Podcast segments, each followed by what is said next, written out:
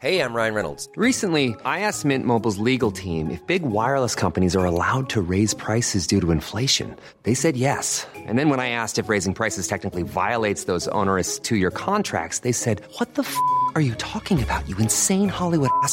F- So to recap, we're cutting the price of Mint Unlimited from $30 a month to just $15 a month. Give it a try at mintmobile.com slash switch. $45 upfront for three months plus taxes and fees. Promo rate for new customers for limited time. Unlimited more than 40 gigabytes per month. Slows. Full terms at mintmobile.com. Everyone knows therapy is great for solving problems, but getting therapy has its own problems too, like finding the right therapist, fitting into their schedule, and of course, the cost. Well, BetterHelp can solve those problems. It's totally online and built around your schedule. It's surprisingly affordable too. Connect with a credentialed therapist by phone, video, or online chat, all from the comfort of your home. Visit betterhelp.com to learn more and save 10% on your first month. That's BetterHelp, H E L P. I forbindelse med at vi har publisert et nytt intervju på vår Patreon-kanal i dag. I dag er det tidligere Facebook-topp og, eh, og, og eh, WC-stjerne som eh, heter Sam Lessin. De fleste har ikke hørt om han, men du burde ha hørt om han. Han var veldig viktig i utviklinga i Facebook i flere forskjellige måter, og senere blitt en veldig vellykka tidligfase-investor. Han har en vanvittig energi, vanvittig mange interessante ideer og mange interessante betraktninger. Og veldig kjapp i hodet og kjapp i replikken. Absolutt verdt å høre på mye og lære av han. Hvis du vil uh, følge med på eh, hva som kommer på vår Patreon-kanal, så kan du også nå legge det inn på Spotify. Det eh, går du bare og søker opp Tider penger på Spotify. Nå finner du to kanaler. Der du ser logoen vår, det står også Patreon kan du gå inn der, logge inn på din Patreon-bruker, og da har du tilgang direkte i Spotify. Da trenger du ikke å bruke noen eksterne apper. Mange bruker Spotify. Så eh, tiderpenger.no hvis du ikke er medlem. Men nå går vi inn til Jason Cohen. Han har lykkes mange, mange ganger. Da har vi hatt en uh, seriegründer på, um, som har blitt intervjua, som du nettopp har hørt, uh, som jeg har gjennomført intervjuet med, Jason Cohen. Han grunnla siste selskapet han grunnla, heter VP Engine, og han har vært uh, aktiv i mange ledd av oppstartsmiljøet. Jeg oppdaga han pga. et gammelt foredrag um, som, som, gikk jorda rundt, der han snakka om forskjellen mellom å eh, starte med investor kontra å såkalt bootstrap og finansiere seg sjøl. Mm. Jeg syns det var så interessant, så jeg snakka med han, og han stilte opp i intervju. Jeg må si det var det var inspirerende å høre på. Jeg drømmer meg litt bort når jeg satt og hørte på han. Hva du syns om intervjuet og, og, Jason Cohen? Ja, drømme seg bort, det var jo egentlig Det var rart du skulle bruke det uttrykket. fordi jeg syns jo han var nesten hypnotisk, og, altså på en, på en god måte, ikke misforstå. Uh, å høre på. Han er veldig veltalende, og han er kunnskapsrik. Og jeg deler en del erfaringer uh, som, som han også beskriver. Så fra en Altså, det er inspirerende og opplysende å høre på han, uh, eh, syns jeg. Og der hvor jeg deler hans erfaring, det var når han snakket om det der å da starte et bedrift og være i bedrift, men så, så skjer det Altså, bedriften utvikler seg, og så plutselig så så liker du ikke bedriften du er i lenger. Din egen bedrift? Ja, din egen. Altså, jeg opplevde jo det samme. Pga. noe salg av noen selskaper så fikk vi inn aksjonærer som, som da ikke ser på verden på samme måte som, som du gjør, som ikke har de samme, samme, på en måte, samme verdigrunnlaget. Da. Så at the end of the day så er det jo egentlig det som en selv har. Og så oppdager man at at man egentlig mistrives i, i, egen bedrift. Jeg følte, veldig, sånn, jeg følte meg veldig, eller kjente meg veldig igjen i det, han, i det han sa om det. Men jeg syns jo, jo tvers igjennom at det der var veldig opplysende og bra. Og jeg, jeg, jeg, jeg, lurte jo på hvordan, hvordan du hadde kommet på, på, ham, men nå har du jo for så vidt forklart det gjennom at du hadde sett den uh, den videoen. Cold han. ja, men det er jo kjempebra, fordi uh, jeg har ikke sett den, den videoen. Men, men jeg syns det var utrolig interessant å, å, lytte til ham. og Jeg har altså jeg lyttet gjennom hele intervjuet, og jeg har senere gått tilbake og hørt deler av det.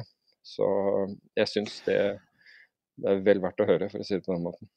litt sånn Silicon Valley er så full av bullshitter. Altså, jeg er helt immun mot budskapene deres. Alltid sånne forenkla budskap, og gjerne med en sånn enkel tagline. og Du har et eller annet sånn begrep du måtte henge deg veldig opp i, sånn som lean og sånne type ting. Og han, jeg føler at han skjærer gjennom all bullshitten som han er vant til å få fra de her folkene. Ja, men jeg, altså jeg, jeg, jeg, jeg tror det, det mer representerer vekst. Altså når du får en sånn vekstselskap-boom, så tror jeg det der nesten er generisk. Jeg opplevde det akkurat det samme. i- Ja. Og den liksom buzzword-type type ting. Du hører det samme, og som jeg har sagt til flere. Og jeg, forsøker, og jeg, jeg har ikke møte med mange, fordi eh, det, det, altså, Jeg vet ikke hva det ligger på nå i uken, kanskje, men nå kanskje fem til syv som tar kontakt i, i hver uke. Um, så, så handler jo det der altså, det, altså De jeg har, har møte med, så er det ofte den responsen jeg, jeg gir. altså Det er å, fokusere på det som du mener er unikt med din. disse buzzwordene. Når du kommer til in, in, uh, seasoned investors, altså erfarne in, investorer, så har de hørt dem før. Og de har hørt dem til gangs. Så forsøk å ikke bruke dem. Altså Prøv heller å, å, å uttrykke ting, det, det du virkelig mener er unikt med din bedrift, på, på godt norsk. da. Men er ikke, er ikke, når man snakker i salgssammenhenger, er ikke ærlighet noe som du rart nok kommer lengst med? Det er i hvert fall noe jeg har erfart da. Eh, å bruke sine egne, eh, sine egne svakheter som styrker. Det er også avhengig av hvilken tid vi er inne i, Ah. eh, for å være ærlig. Fordi jeg Kanskje ikke så bra i boomtid, å være Nei, ærlig. for, nei, fordi du kan si at vi Altså, jeg opplever jo at i, én en fase så er det den som overdriver mest, som får, eh, som, som får på en måte ti- tilslaget. Mens den, eh, den personen i en annen fase eh, blir, blir skrellet vekk ved, ved, på en måte ved, ved første seleksjon. Så det kommer an på hvor vi er hen altså i, eh, i, i fasen. Men, men det viktige er på en måte at du leverer og viser progresjonen din og så, og, og så videre. Og særlig progresjon. Er at, den, at progresjonen din er at man kan demonstrere en solid progresjon i det, i, i det man gjør. Um, slik at For det, det styrker uh, troverdigheten til at dette skal være gjennomførbart. Skal vi bare gå i gang med intervjuet? Ja, jeg, eh, jeg anbefaler folk å høre på dette intervjuet. Altså jeg, for så vidt det gjør jeg med alle intervjuene våre, for vi, vi gjør jo seleksjonen eh, i utgangspunktet. Og hadde vi ikke ment at det var interessant, så hadde vi ikke, hadde vi ikke hatt det der. Så ja, la oss gå i gang. Uh, um, I've done four startups in the last 23 years. The latest one is WP Engine, which is the last 13 years, so quite a long time. Um, and we're at about 1,200 employees globally, 200,000 customers, and uh, before that, a startup called Smart Bear, which is where I get my online name, which is a Smart Bear, right? So that that came from the previous startup. So those are the two sort of salient things, I guess. And the speech I saw that you gave, which was very interesting, was uh, I I don't know where it was. Li- it was linked on Twitter, I think, or or maybe on Reddit. But uh, regardless, it was um, it was a talk where you talked about the benefits of bootstrapping, uh, self financing your startup, or having an automatic uh, like having um which in in uh, in regular finance, I guess you refer to it as quality, where you're uh, you have so much income that you uh, you're self funding. Right. That, that was that was from MicroConf. Uh, was the name of the conference, MicroConf, and that was ten years ago, which I know because uh, people were sort of celebrating the ten year anniversary of that thing, which is still the most popular video from MicroConf on their You- YouTube channel. So I think people in general do enjoy that. It was, uh, yeah, as you say, it was sort of an action packed uh, talk. So rather than having, let's say, a narrative arc and stuff like that, it uh, instead, it was just machine gunning lots and lots of things that, that practical things that you could try to use for self funding a company. Everything, right? Pricing and market and who's your customer and what type of product and all that. Um, But there's a major difference between 10 years ago and now. uh, is that realistically you are it's not so easy to to find to to find an investor right now for a startup. It's never been easy. Um, the vast, vast majority of companies are not funded. So, um, yeah, I, I don't think it's ever been. You know, there's times where it's slightly easier than other times, but um, it's never been easy, and it's never been the normal way to build a company. So, um, in that sense, it's still the right way for most people to build a company anyway. What was your first? Let's uh, go back to the beginning. What was your first uh, um, meeting with uh, running your own business? What was your first sort of your first um, inroads into it? Well, uh, even during college, I was working, and then right out of college, um, I started a strange kind of company that ended up being a consulting company. Um, and then the the the bubble burst in 2000, and everything was weird. So it, it was it, it was supposed to be a product turned into a service company. And anyway, it was a strange experience that I wouldn't say was particularly successful. And this was what time? What year? Like late like 1999 through 2001. Oh, okay. Were you caught up in the whirlwinds of that era? Sort of. Uh, I mean, we were there, but we weren't one of these companies that had sixty million dollars in funding and didn't do anything. It's it's so interesting because uh, I've been trying to figure this out. I remember hearing uh, a talk years ago where someone referred to the moment when VC as a concept kind of changed, and that was the the IPO of Netscape. Um, and they talked about I, I've not been able to get back to this, so this is only by memory. Um, and they talked about that Netscape had a fundamentally different view of uh, running a business than what was common in previous startups, which is making money.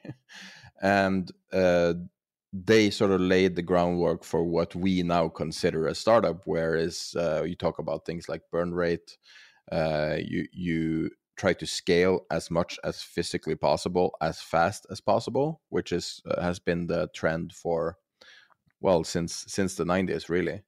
Um, but it kind of feels like that's changing now when the reality is changing. Do, do you remember this? And do you do you think that there has been a change of how vcs operate? Certainly, things have evolved, but I wouldn't say it's just changed because everything you're saying, people said in 2008, and everything you said, people said in 2001. so, uh, I do think uh, people value different metrics over time, but I don't think it's like there's this big change and it'll never change again. In fact, it goes through these cycles. And every time we have a down cycle, people value things like rule of 40, where it's growth balanced by having rev- uh, having profits. Then when times are really good, it goes back to mostly caring about growth. And we've seen those uh, several times since then. So I feel like um, unless something new changes in the world, I think that cycle will probably continue. uh, you have had you've self-funded and you've had vcs how how has that been a different experience uh, on the different sort of structures Well, it's it, they're very different in that the goals are very different. So when you're self-funding, your goal is not to be the biggest ever. Your goal is not to be a billion-dollar company. Your goal is not to go public. Now, some people say, "Oh, your goal is just to have a certain lifestyle." Sometimes that's true, and sometimes that's not true. And I think um, certainly there's a Silicon Valley attitude that looks down upon self-funded businesses and sees them all as, "Oh, you just want to be like a restaurateur and have your little restaurant and have your little lifestyle."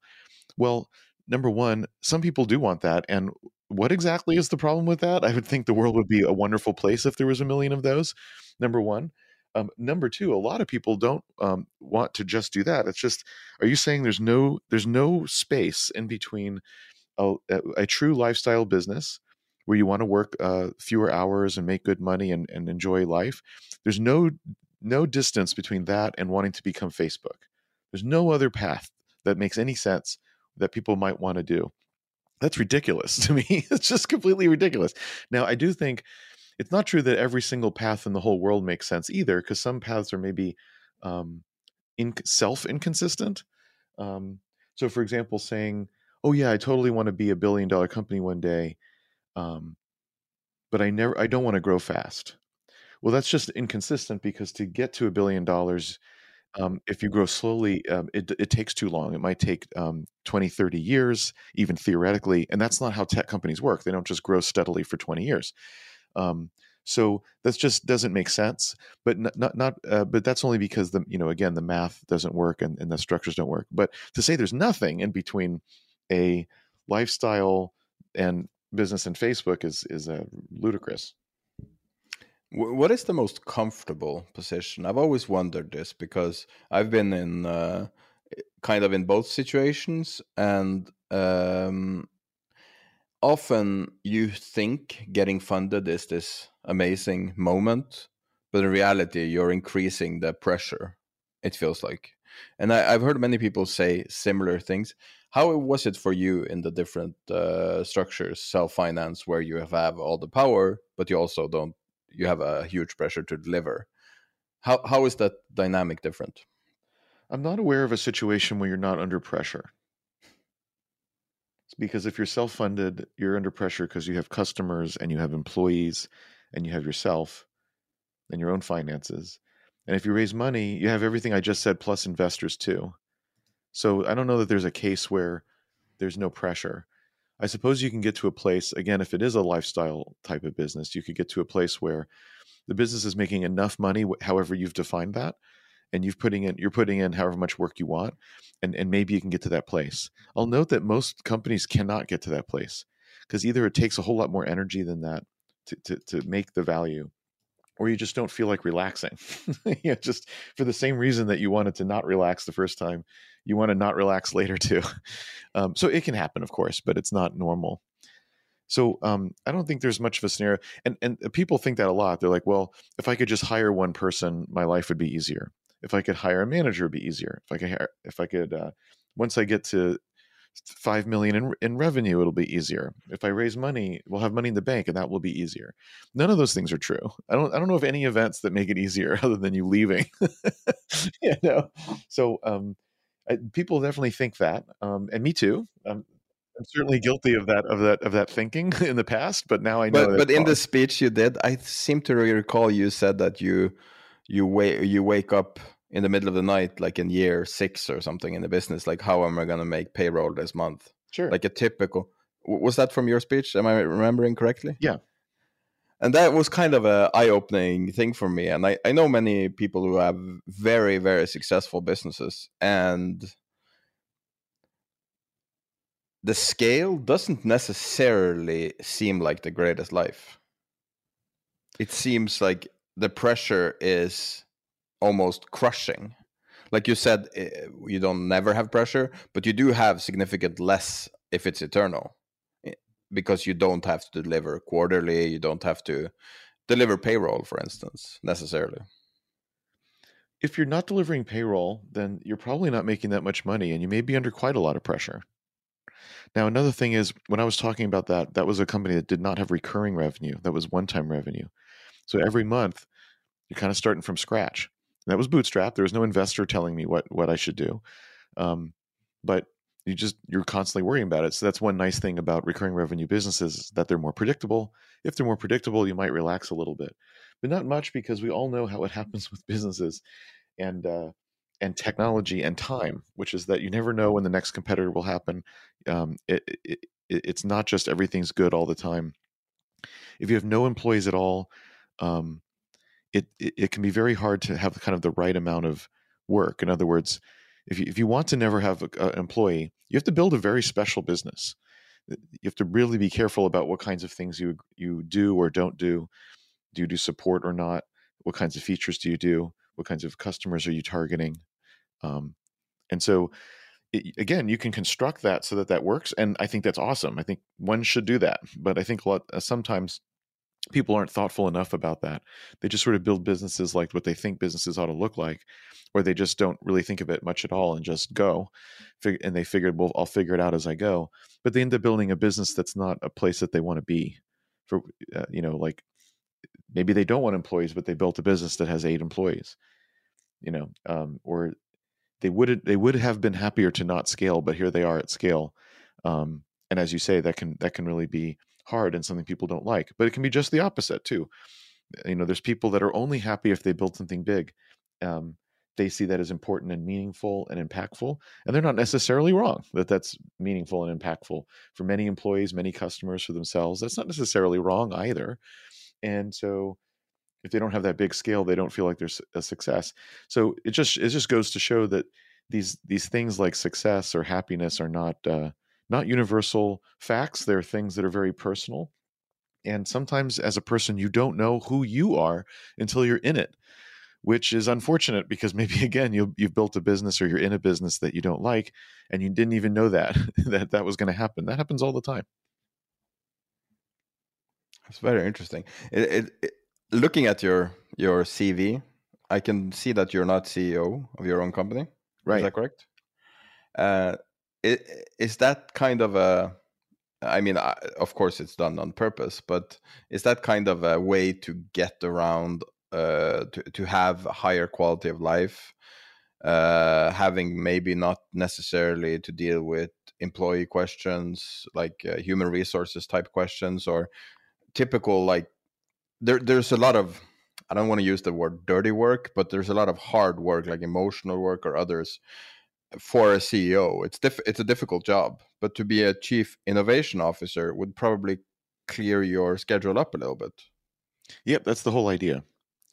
So, um, I have a framework about thinking about what I call fulfillment because I think happiness is too strange a word. Some people maybe are never happy, and maybe that's okay. So I kind of prefer the word fulfilled.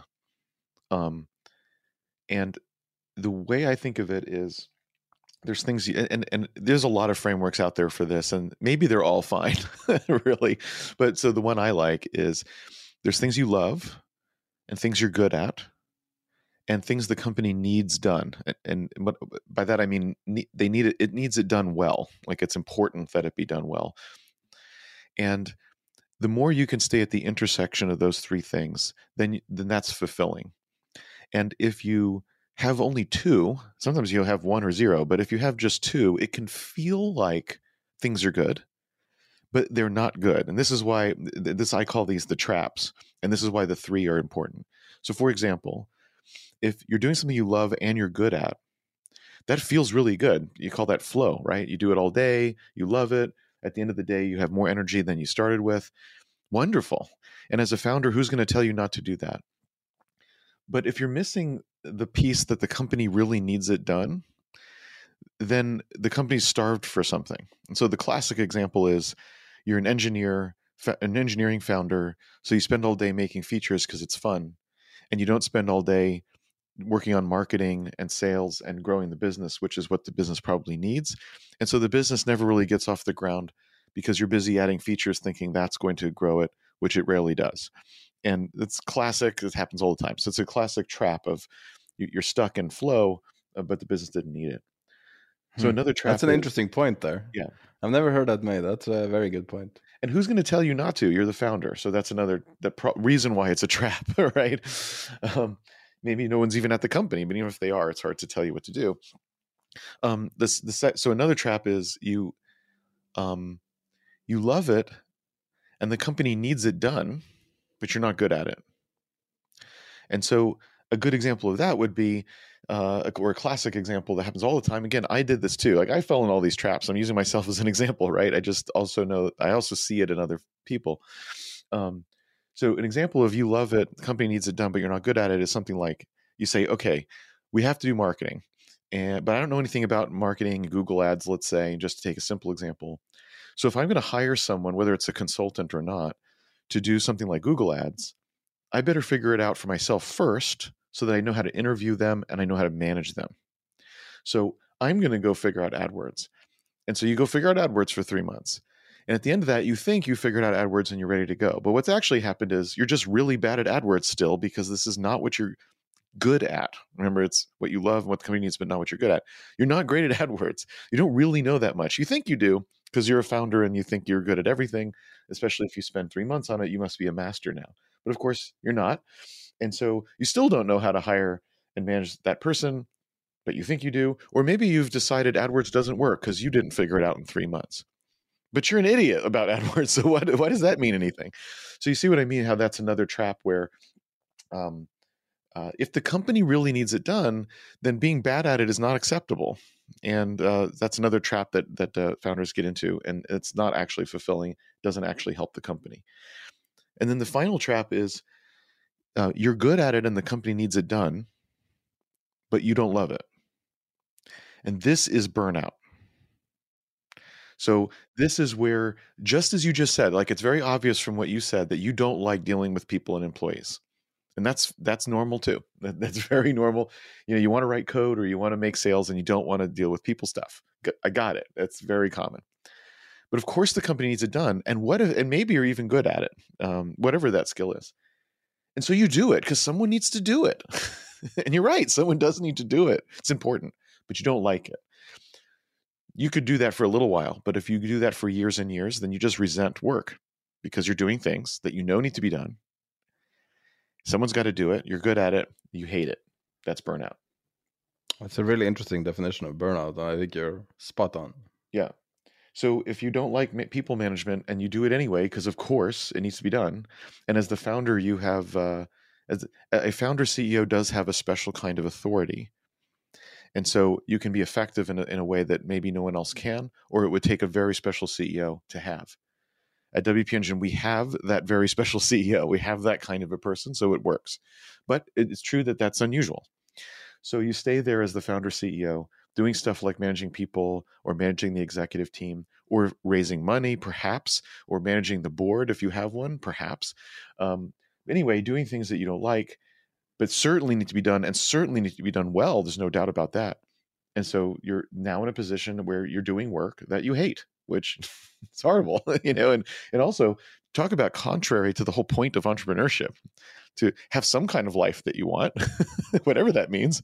And here you are hating going to work. What? That's got to be exactly the opposite of the point of being an entrepreneur is hating to go to work, right?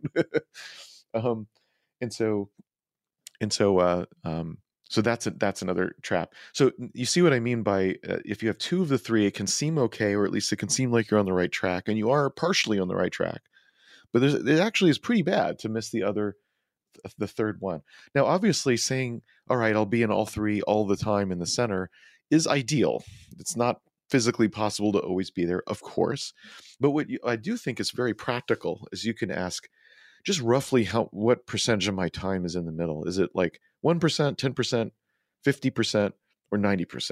Those are my only choices. Then you can probably say pretty quickly what it is, you know, with only that level of precision.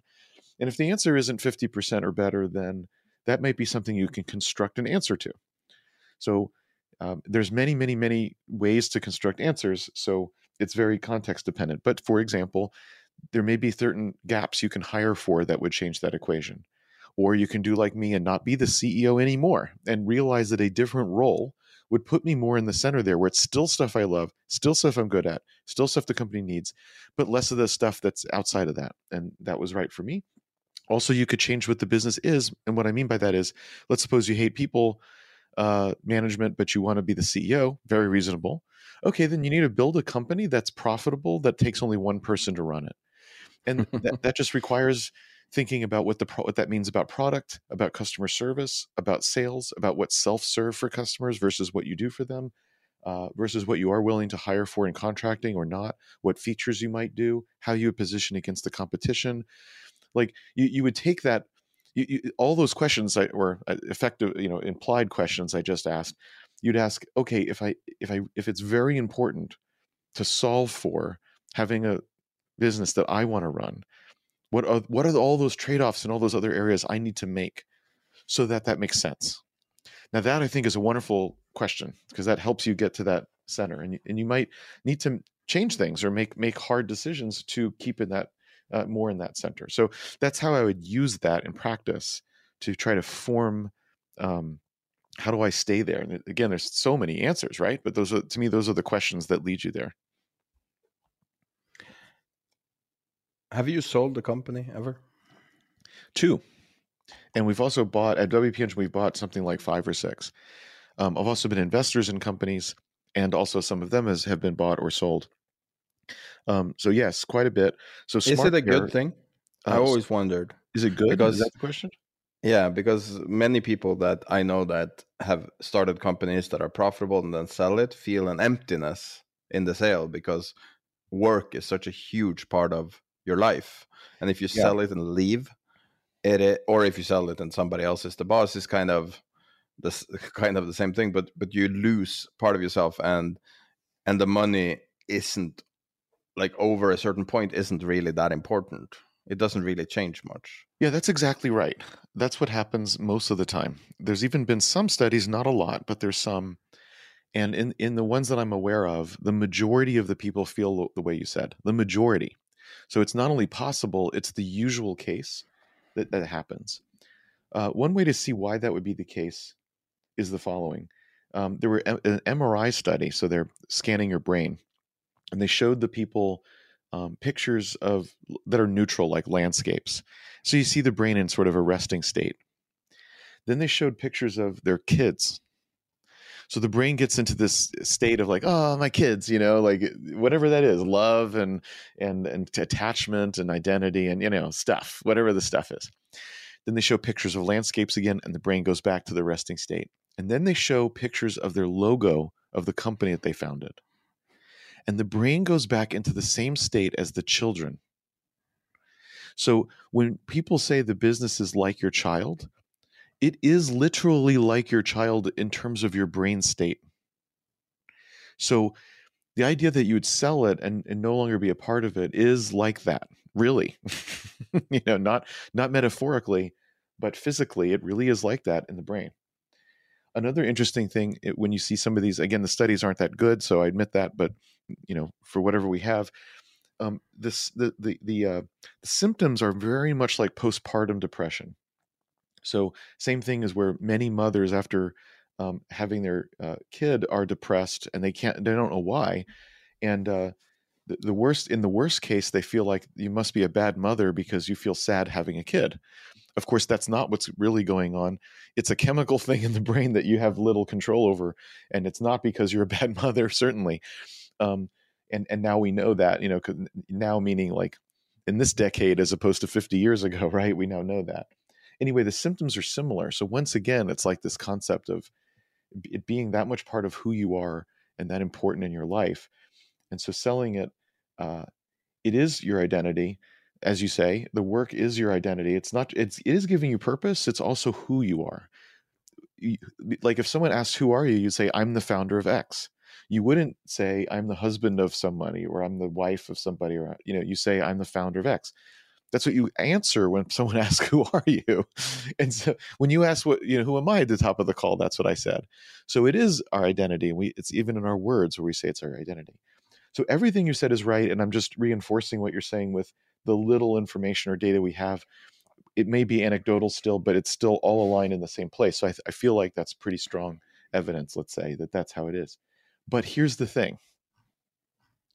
That doesn't mean selling was wrong and this is the part that's really a catch 22 in other words this is the part that's really actually kind of devastating kind of terrible which is that does not mean it was better to stay. Because another thing that's really common is that people hate the companies that they build they resent it they're burnt out and they don't want to be there and they're very deeply unhappy at their own company which already is unhappy but then there's that meta level of unhappiness that you it feels bad that you're unhappy about it right? Both. And um, selling is a way to stop that reset the clock turn the page into a new chapter of life and do something else. And just because turning that page is painful, which you're saying it is, and I agree with you, that doesn't mean the previous chapter was okay and you should have prolonged it. So just like a bad relationship, it may hurt a bad it hurts to break off a bad relationship. That doesn't mean you shouldn't have broken off the bad relationship. it you know just because it hurts to change. So you really have to evaluate. Well, was it healthy and happy and fulfilling and purposeful and good before the sale? Because if the answer is no, a sale, no matter how painful, might be exactly what's needed to finally get out of that life situation. So, um, so sadly, uh, it's not. It does not imply that you should never sell. It's also the the, the question of liquidity, and um, it's it's especially uh, in Norway now. There's a huge discussion. We have um, a tax on wealth, uh, so you're taxed on your perceived, like kind of a mark to market taxation on your perceived wealth, but mm-hmm. a lot of things are defined as wealth, and uh, a lot of people misunderstand that they think that uh, your net worth is liquid assets. Um, right there is this kind of like you have hundreds of millions in assets and you have almost no money. That's also kind of a complicated situation to be in, especially in your maybe your first company. I mean, if you've had four and you sold plenty, I'm sure um, it's that's not uh, really much, that's not really much of a problem because um, the fi- the financial world is ready to help. so what happens in that situation is whatever it is you want to do, there's usually some way to to do it. Um, there's some financial penalty, but not much. So, for example, the most obvious thing is simply to take out a loan. So, if you know you have hundreds of millions of assets that are illiquid, you can still take out a loan for 10 million, 50 million, et cetera, you know, something far below that. So it's so that even if those assets go way, way down, you're still covered. And sure, interest rates are high right now, relatively speaking. But on the other hand, once again, if you have hundreds of millions in assets, then even if you're paying, let's say five, six percent, seven percent, even, um, I mean that that's starting to become kind of a lot. But if, if that's what's happening, um, and and you need the cash for something, you can do that. If it's something like real estate, you can have reverse mortgages potentially. Um, you probably have some sorts of assets that are also uh, cr- creating income. So, for example, of the money you do take out, you could uh, put that into uh, uh income generating uh, financial instruments um, since since you don't need since you already have um, your your sort of uh, large asset based investments you can just um, you, you can put into more uh, uh, revenue generating instruments and that generates money uh, that's liquid and then usually there's some opportunity to sell somehow not always but when you're talking about the amounts you're talking about um, like if, if your company's worth 10 million then it's not true that people will just want to buy this stock but when it's hundreds of millions or billions, usually there's some sort of way to do secondaries or other ways to to cash out some of that. So in practice, um, the financial world is ready to um, to make you liquid for for a price, a price that you're probably willing to pay because of your total net worth. Now, to your point, if you want to tax your total net worth and you don't have the cash for that, that's different because then you just straight up need the cash for that. So yeah, even in America, people um, people suggest that, um, and uh, I think there are ways of doing that. But you, you clearly, if if it's illiquid and you're taxing it anyway, I think the flip side of the, I think that has to come with an ability to pay the tax using the illiquid assets. Like it, I don't think it makes sense to say I'm taxing your illiquid assets, but you have to figure out how to become liquid to pay it every year that that feels like it's a little onerous in a way that's not useful. So if you could pay the tax with those illiquid assets, for example, um, and then perhaps perhaps then we're back to a, a, system where you can do that tax, but in a way where people can can pay it. Yeah, this is also the reason why uh, there is a flood of people leaving this country because of the onerous tax. Um, it's interesting because you also have a kind of an emotional you approach this appear appearing to approach this from an emotional point of view which i also do instinctively. Is that correct? Well as opposed to what? Uh, clinical i mean analytical like very matter of factly you get this feeling that people are sort of um, like i'm rewatching the tv show uh, silicon valley. I don't know mm-hmm. if you saw it. Uh, it's uh, it's a very good description of running a startup, and people often appear to be these uh, like like the outward appearance is very mechanical, very analytical, but in reality, it's uh, a lot of it's it's a lot of managing your emotions. Wouldn't you say so? I think even just to say a person who um, is unemotional about it must be managing their emotions. even Vulcans have to manage, their emotions. They exist. They have to manage them, right? So yeah, I, I don't I, I, don't believe I kind of don't believe in that. I'm very analytical in terms of in how I think, and, and even in the writing that I've done over the last 16 years uh, a lot of it is analytical, right? But then a lot of it's emotional too. If there's both, and I think that's just that's just reality is that it's both. A uh, period, and and so they're both interesting um, aspects to me of of uh, what it's all what it what it all is. Yeah, I totally agree with you. When it seems analytical, they must be suppressing. And is that good? Um, uh, I, I would think there's times where suppressing emotion is good. Um, there are times when difficult decisions need to be made and then implemented, executed, and suppressing emotions through there might be useful to do. Um, but I think in general, it's good to pay attention to emotions.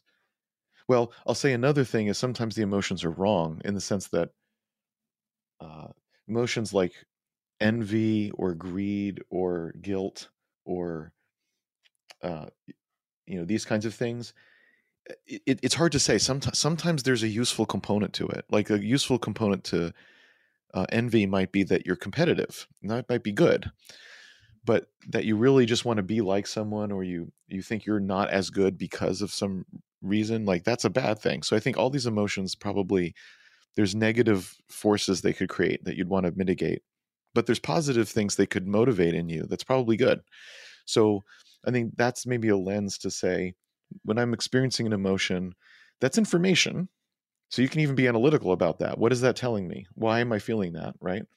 And is there a useful part to that that I want to grab onto and use? Is there a not useful part that I need to try to let go of? And of course, that's super easy to say and very hard to do. So, you know, yeah, thanks. That's actually pretty hard to do. Um, nevertheless, it's probably still the right attitude easy to say, hard to do is yeah. uh, probably a pretty good summary of being uh, of, of, running your own company. yeah, yeah, say. like it's probably the right idea, even if it's very hard to do.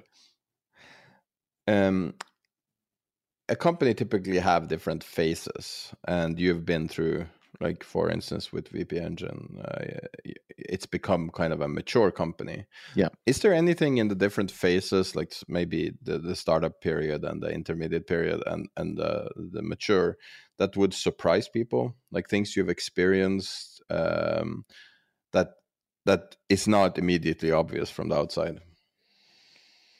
It's a difficult question. I know. I'm sorry. Yeah, yeah there's there's a lot written about this, so th- maybe there's nothing too surprising. I guess what I would say is, um, I do feel like it's the kind of thing where if you haven't seen it before, then even if you've read about it, it's still still harder or th- than than it seems. In other words, you can read the hard thing about hard things. For example, it's a great book that kind of describes the scaling phase and how that feels and yet still when you get there it feels pretty bad and you don't feel like you're prepared just because you read that book you know? Um, so maybe in that way it's sort of like having kids or making a startup in the first place where you can read about it but it's different when you're or at least it's the experience of doing it um, still still feels different. So for example you you you hear things like people problems become um, not just linearly more difficult but non-linearly more difficult with scale. And, it actually the same thing with things like servers and, and technology same thing. It, it it just becomes different in kind. Um, it's not just more and harder it's different and harder. And the difference is much harder to deal with because because what's happening is rare things are becoming common. And the rare things are difficult to predict they're maybe difficult to measure especially uh, uh, uh yeah maybe difficult to measure maybe difficult to mitigate or prevent exactly because they're rare and weird and and and unpredictable. And so, but at scale, rare, rare things are common. And so, what the hell do you do? And and and it is really hard, and uh, in in some cases, not even possible or not plausible to do something other than deal with it. So again, I can say that. So now you know, or maybe you already knew. Um, and yet, being in the middle of it, um, it, you know, really, you really are like, God dang, yeah, okay, that's that's. Can Can you give an example of something that's harder at scale? Sure, sure. So, um, I can give you one since we talked about analytical and emotional. I can give you one more analytical uh, an ex- example and one emotional one. Does that make sense? Sure. Uh, so analytical one. Imagine that you have a laptop, and uh, every once in a while it just crashes, like totally crashes, and you have to reboot. And let's say it's really rare, like once every four years. It probably has problem. It probably needs a reboot more often than that. But let's just say it's it's a really high quality, uh, high high quality laptop. So only every, every once every four years or so it crashes. Let's say every thousand days or something. Um, I guess it's more like three years. Um, okay, that seems like a pretty pretty reliable laptop. Actually, nothing wrong with that. Now let's say you have ten thousand of them. Well, if if each one fails, let's say once once every thousand days, but at random, and you have ten thousand of them, that means ten of them are failing every day. So of your pack of ten thousand laptops, you have ten failures a day, which sounds like a lot, and they're completely unpredictable and uh, let's say unpreventable because this was already super high quality. So now you have 10 f- like critical failures per day of hardware that you can't predict or prevent. So that's exactly what happens when you have a bunch of servers. That's precisely what happens. Some will fail, it's hard to pre- predict or prevent. And if you have 10,000 of them, then it's happening constantly. So that means you have to architect everything around the fact that your your infrastructure can fail. But when you're small and you only have one or 10 servers, you do not need to architect around that because it almost never happens. So the very architecture of your whole application has to has to change dramatically um, at scale uh, because something that was rare became common. So that's an example that, uh, like a WP engine, that's that that is our reality. In fact, we have more than ten thousand servers, so it's very much a reality. Um, on the human level, um, same same concept, but it takes a different form. So I once heard it described this way. So I didn't I didn't invent this analogy, but it's very right. So at at about twelve hundred people, the WP Engine is like a small town in terms of the number of humans that are in it. And the funny thing about a small town is um, there's enough people where all the things that happen to human beings are happening pretty regularly. There's always someone with a new child, someone with a death of a parent, someone getting married, someone getting divorced, um, an employee who commits suicide, uh, but new employees too. Um, there's all all manner of things that happen in, with humans, um, and with 1,200 people, they're happening all the time. But it's small enough at 1,200, small enough that everyone kind of hears about it when this happens. So it's not like like in New York City, um, that's happening constantly, but you don't know everyone in New York City. Because there's millions of people. but in the small town, you kind of hear about everything. Oh, did you hear this happened to this person? Right. So there's enough people it's happening constantly, but not, but small enough people that everyone hears about everything. And so there's this constant stream of news, and it's actually difficult emotionally. Even the good stuff, you know, it's still a lot. It's a lot of humanity. you know what I mean? And uh, so it's at this funny middle ground where you see it all um, and you hear it all, and, and it's all happening. And uh, and that can be that, that actually is, is quite difficult on an emotional level. I don't know that we're fully equipped, or some of us anyway, are fully equipped for that. So that that's kind of the same concept, right? Uh, of this rare things becoming common, same concept, but at a human a human being level. And by the way, it doesn't help whether you're the CEO or not. You're going to hear about it anyway. So that's uh, that's not really well. I guess it is somewhat something of a question of management because you're managing other people through that. But um, anyway, uh, when there's only three people, that's not really happening. You know, it's things that happen are rare, and uh, and you can kind of deal with it one by one. So I would say this idea that rare things become common, again, like maybe that's obvious to say, but hopefully those two examples help to draw out how it can it can appear in ways that um, take effort, the mental effort, let's say, to to cope with, if that makes sense. Yeah. Uh, it reminds me of uh, Foxconn, the producer of the iPhone. Uh, for years, it's been talked about the suicide nets outside their their housings, Oh yeah. and uh, in the company, the the suicide rate is the same as the national average.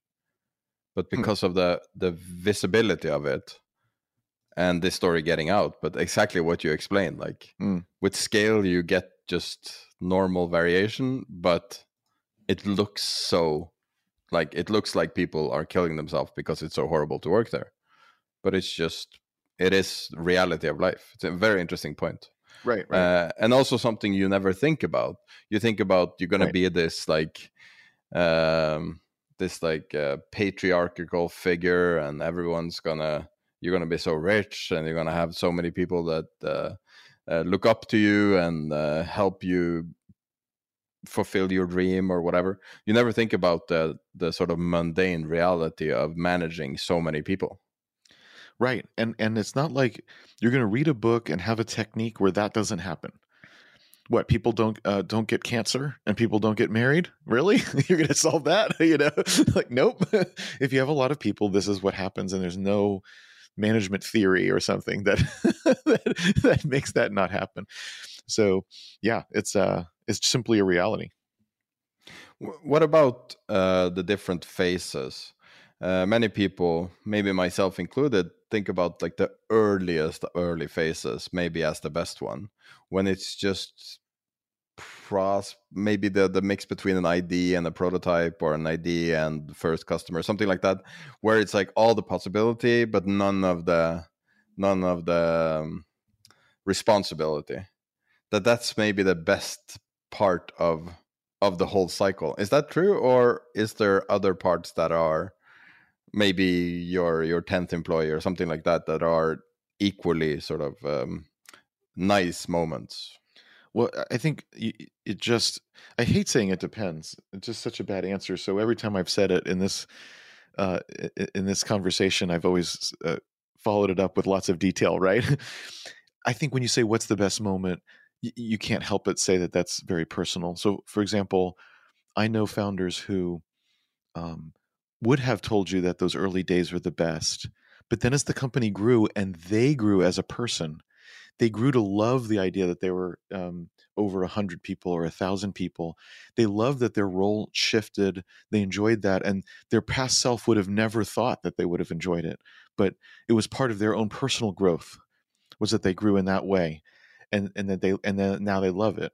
Um, so those people would have said that those early days were the best, but having gone through more of the journey, journey, they now will have said that all the stages were interesting and fun in their own way, just different, um, and that they love what they're doing now. Same person, okay? So, so that just shows you how um, how it really is relative. But i i- of course, it's true that it's you know pre.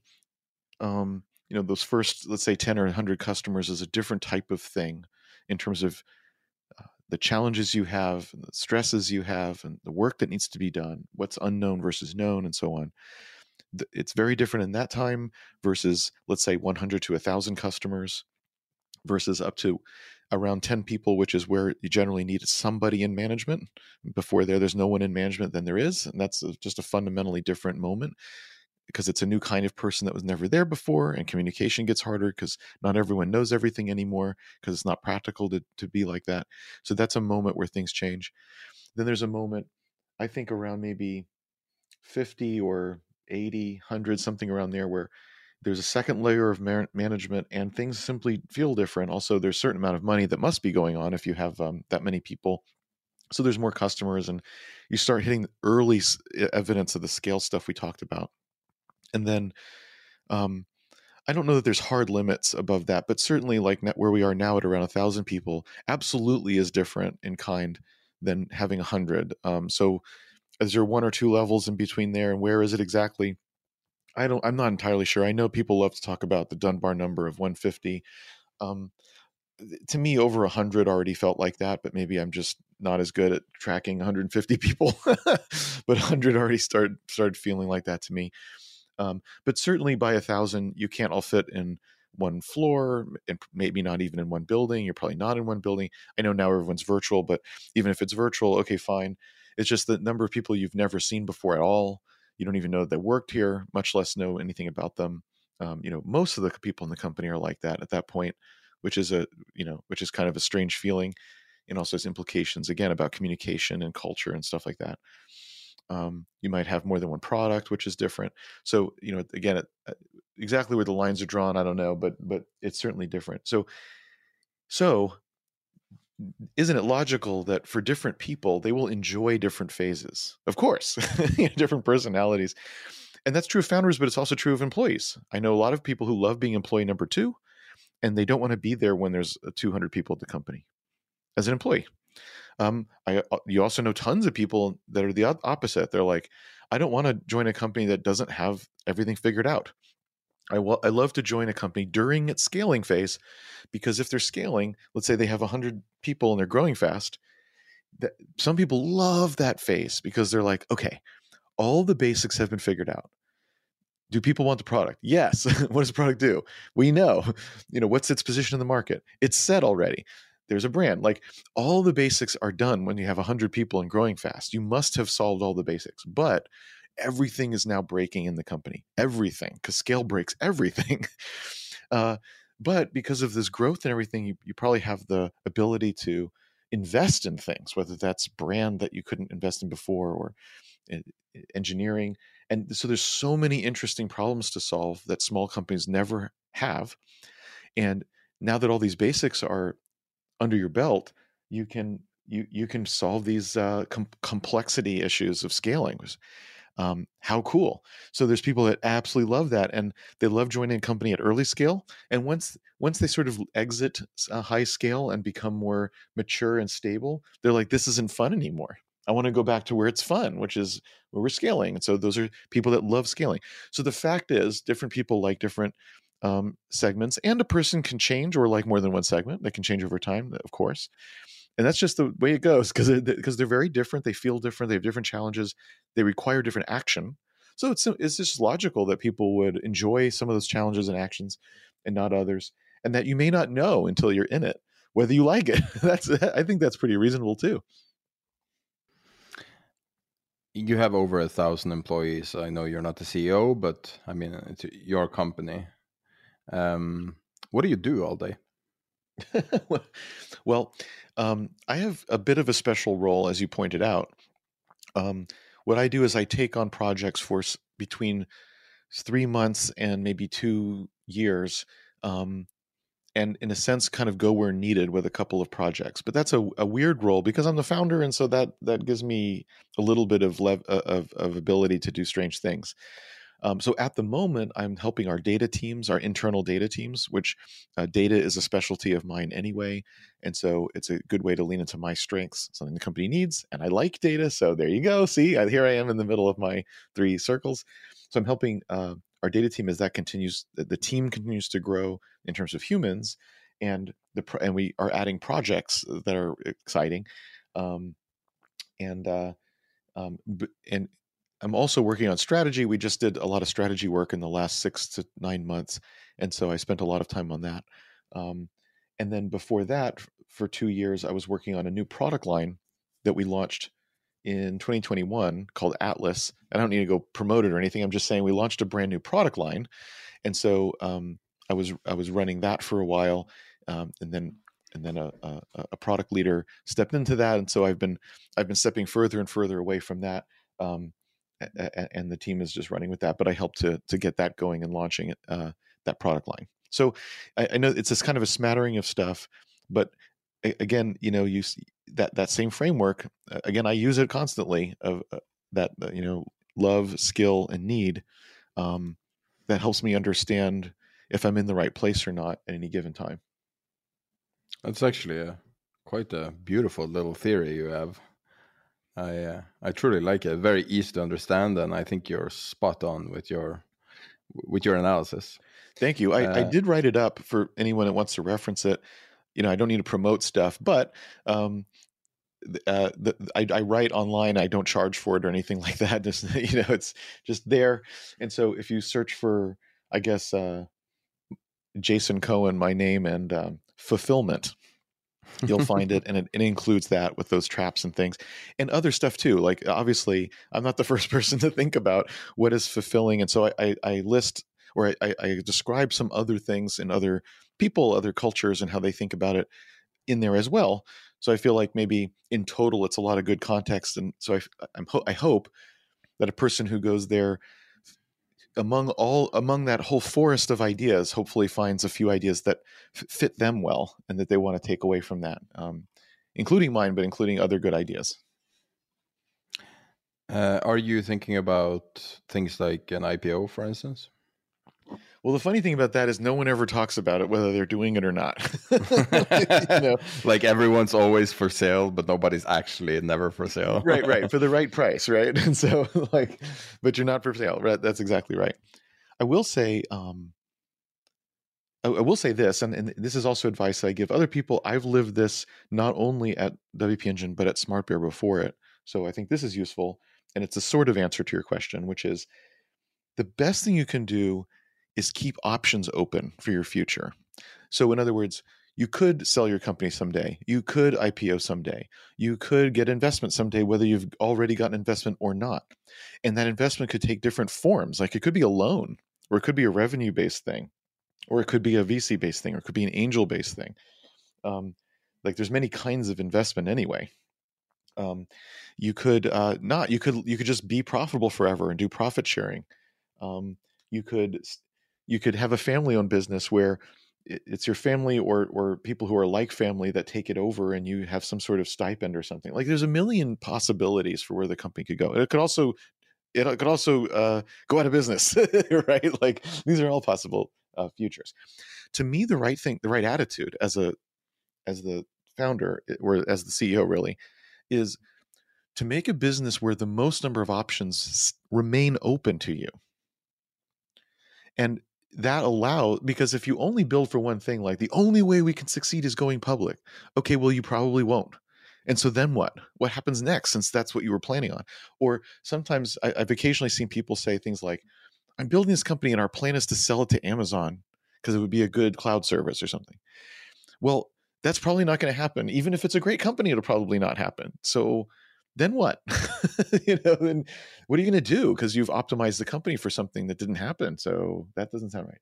So I don't like those kinds of um, ideas where you're you're you're plotting you're planning for only one option. So what does it mean to keep your options open? Oh, and also what that means is, okay, even if you were to sell the company, you want to sell on good terms, like at a high valuation and maybe you want more uh, cash instead of stock and maybe you get more of the money now and not later and you know like e- even within one option there's there's a lot of variation of how how good that option can be so the so the way you do that is you just make a good company.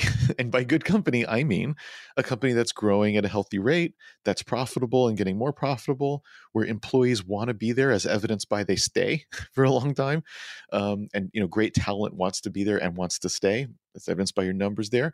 Customers also want to come and stay, as evidenced by you know retention rates. Maybe even continue to pay more overtime because you're because they're they're acknowledging you're delivering more value somehow and, and they're willing to pay for it. Um, so, in other words, all the usual all the usual things about what a good company means.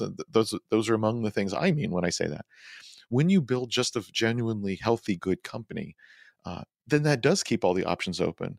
For someone to buy you, they would have to really give you a great offer, since there's no problems right now. You know, um, and if you wanted to go public someday, well, these are the metrics people look at because that's what a good company is, right? So, okay, fine. Then you still want to build a good company again, as defined by those those things I just listed. Um, so I feel like that should be the goal to build a good company and measure it in, in ways like that. Um, and that maximizes your optionality for what to do. So that's still how we run WP Engine today. And so that's that's why it is something of an answer to your question about IPO, our answer is we want to make sure we have this valuable, great company that we could run forever financially. Um, and that op- that keeps all the options open, including things like IPO and other options. It keeps it open because it's a good company. So um, I'm not just saying that to avoid the question. That's how I talk about it internally at WP Engine. It's how I've always talked about it. And also back in, in SmartBear days, that's also how I talked about it. So that's not a non answer or deflection. That's really how we think about it. Finally, uh, uh, time is flying. I'm just sitting here enjoying listening to you, and we're almost at an hour. So uh, I don't want to spend uh, waste too much of your time on this. So um, finally, do you have any advice for people who are listening who either have just started a company, want to start a company, is there any advice you can give that that actually matter, or or do you have to sort of live it and and experience it? Yeah. Um, I mean, I think advice without context and without knowing the person and their goals probably not good advice, but that's already good advice. In other words, when an art, when an article online tells you you've got to do this, you got to take a step back and go, well, who are they writing that for? Um, are they writing it for a person like me with the goals I have, the place I'm at, and so on? If so, then maybe that's good advice. But if not, then you can ignore it. So already, I guess it's good advice to to pay attention to what the advice is aimed at. I would say, um, in many ways, anytime you see advice that says do X, you can find examples of companies that did just the opposite of X and were very successful. And so it kind of calls it all into question. Like, again, any X, you can find people that were that did X and were successful, that did X and were not successful, that did the opposite of X and were successful and not successful, like all the things you generally can find examples of. So that calls into question, like, well, how valuable is this advice about X when all four of those quadrants have have examples, right? like, how important is that? How good is that? So, uh, on the one hand, that's frustrating because how do you know what advice to take? On the other hand, it's a little bit liberating in that, okay, there's no one critical thing I've got to read about and know because uh, I can find examples of the opposite. So that's not the case. So you can relax a little bit about that. So, what do you do exactly? So, this is what I think. I think the choices you make, um, in you know, should I do X or should I do Y? What advice should I take? they need to be internally consistent, self consistent. So, for example, if you say, um, I want a lifestyle business, and we were saying this earlier, so I don't need to repeat the point completely, right? If you say, I want a lifestyle business, there are decisions that are consistent with that idea and decisions that are inconsistent. I think that makes sense. So, I think when you start putting, you want to put some stakes in the ground about what your goals are, what kind of company you want, what you want out of life. When you start putting those stakes in the ground, those are firm decisions. Once you've made some of those firm decisions, then you can start asking what advice is consistent with that. Um, who are the people who have done that particular path? That's who I want to listen to. You still have to you know you still have to filter the advice of course and make it your own but you can at least filter out some of the noise by yourself making some hard decisions firm decisions i should say um, and then trying to limit the the advice that you're getting um, to those that are consistent with that um, i think there's some things that you can't escape like there has to be enough people who want the product in the first place even if it's a lifestyle small business. There still has to be enough people because you're going to have to advertise or otherwise get to them. And not everyone will see every ad. In fact, most will never see your stuff. And the people that hit the homepage, you're lucky if 1% converts from there. And from there, um, you know, you're, you're lucky if, if they, you know, more than a small number are still around in three years. So you have to start with enough people who have the problem that you're solving, even if it's a very small business um, for that funnel to make any sense. Uh, those people have to believe they have the problem. So, in other words, you may know this is a problem in the world, uh, but if the other person does not agree, if they don't know that, then they won't be searching Google and they won't be looking to spend money to solve it. So, they have to believe it too. So, there has to be enough people who believe in the problem, who also have a budget for the problem. They may have it, but they don't want to spend money. This is the classic problem with consumer applications is that people are like, that sounds good and you say it's $10 a month, they say, that's crazy. I, I pay only seven for Netflix. No way. Even though it would deliver a lot of value, that's not necessarily how people rationally think about things. This is, by the way, a reason that a piece of advice I give is that you should probably sell to businesses and not consumers. And it's very obvious that that's biased advice. Clearly, you could sell to consumers and be successful. Obviously, you can. I just think it's harder um, maybe I'm just biased on myself. It's harder for me, so I'm just projecting onto everyone else. Probably, it's probably biased like that. I'm sure it is. But the fact is, the businesses who have problems generally have a budget to solve it, and consumers not not necessarily. So it just makes it harder. Of course, there are more consumers in the first place, so maybe that balances it out. Anyway, they have to have the problem. They have to know they have the problem. They have to have the budget and the will to solve the problem. They have to want to buy from you and not a competitor. They have to believe that you can do it, even though you're a, a young company with no assets and no other um, no brand awareness and no other customers to reference and it's and not enough features they still want to buy from you why is that um, why is that kernel of a product that an original product good enough that people still want to buy it um, all these things have to be true for the business to work it's not enough to have an idea. It's not enough to solve a problem. You have to have everything i just said and more. Like that's not even all the things but that's among the things. So at least those are some things that uh, i don't know how you could have a company without them.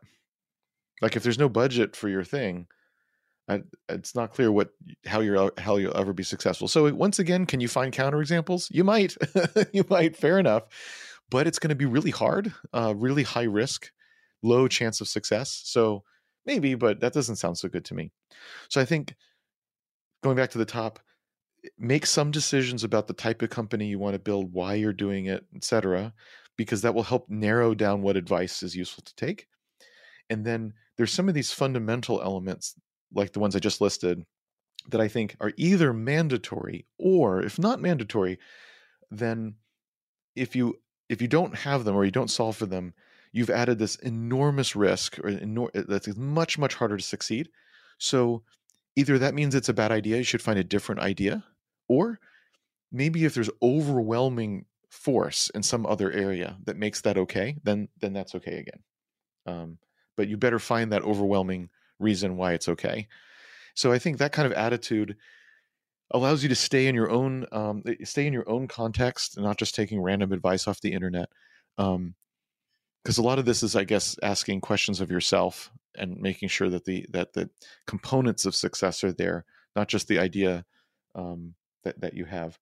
But ultimately, I you know you have to apply my own advice to me and say, yeah, but or maybe I go my own way. And I and, and I would admit, yep, I, I get it. Like that's part of the point of being an entrepreneur is you go your own way. So I get it. Um, this is what I think makes things easier, le- less risky. Uh, I think ideas are better when they hit on all those points. I think that makes them more likely to succeed. But it's just my opinion, and so, you know, sure. but but but uh, to me, that um, to me that that that is something that de-risks the company. I can't show you lots of data that proves it or anything like that. It's just my experience. Um, and uh, so, of course, you should take it or leave it. but I would say at least think about it. Um, maybe maybe in in thinking through those things and asking those questions, even if you decide to ignore it, perhaps um, thinking through it is already helpful. In any case, I often think that when I when I write a piece, I often think even if you completely disagree with me 180% or 180 degrees completely disagree with me um, i've still helped you because i've helped you figure out that you believe something completely different but now you know what you believe more crisply than maybe you did before that's awesome so i feel like these things whether it's this advice i just gave or anything that i've written um, if you agree with it and want to take it as advice great I've, I've been helpful if you say, heck no, I've still been helpful because I helped you figure out whatever it is you want to do. And so uh, that makes me happy no matter what you figure, whatever you decide to do. It makes me happy if I've helped you be more certain in what you want to do. That's pretty cool. Then I, I feel like, uh, I feel like I've done something nice. It's very inspirational to listen to. And I think uh, a lot of people are helped by what you're saying because there's a lot of literature on this, but I feel like there's a huge place for exactly your point of view here. Great. And um, uh, almost philosophical in a way. Very inspirational. Thank you so much. Thank you.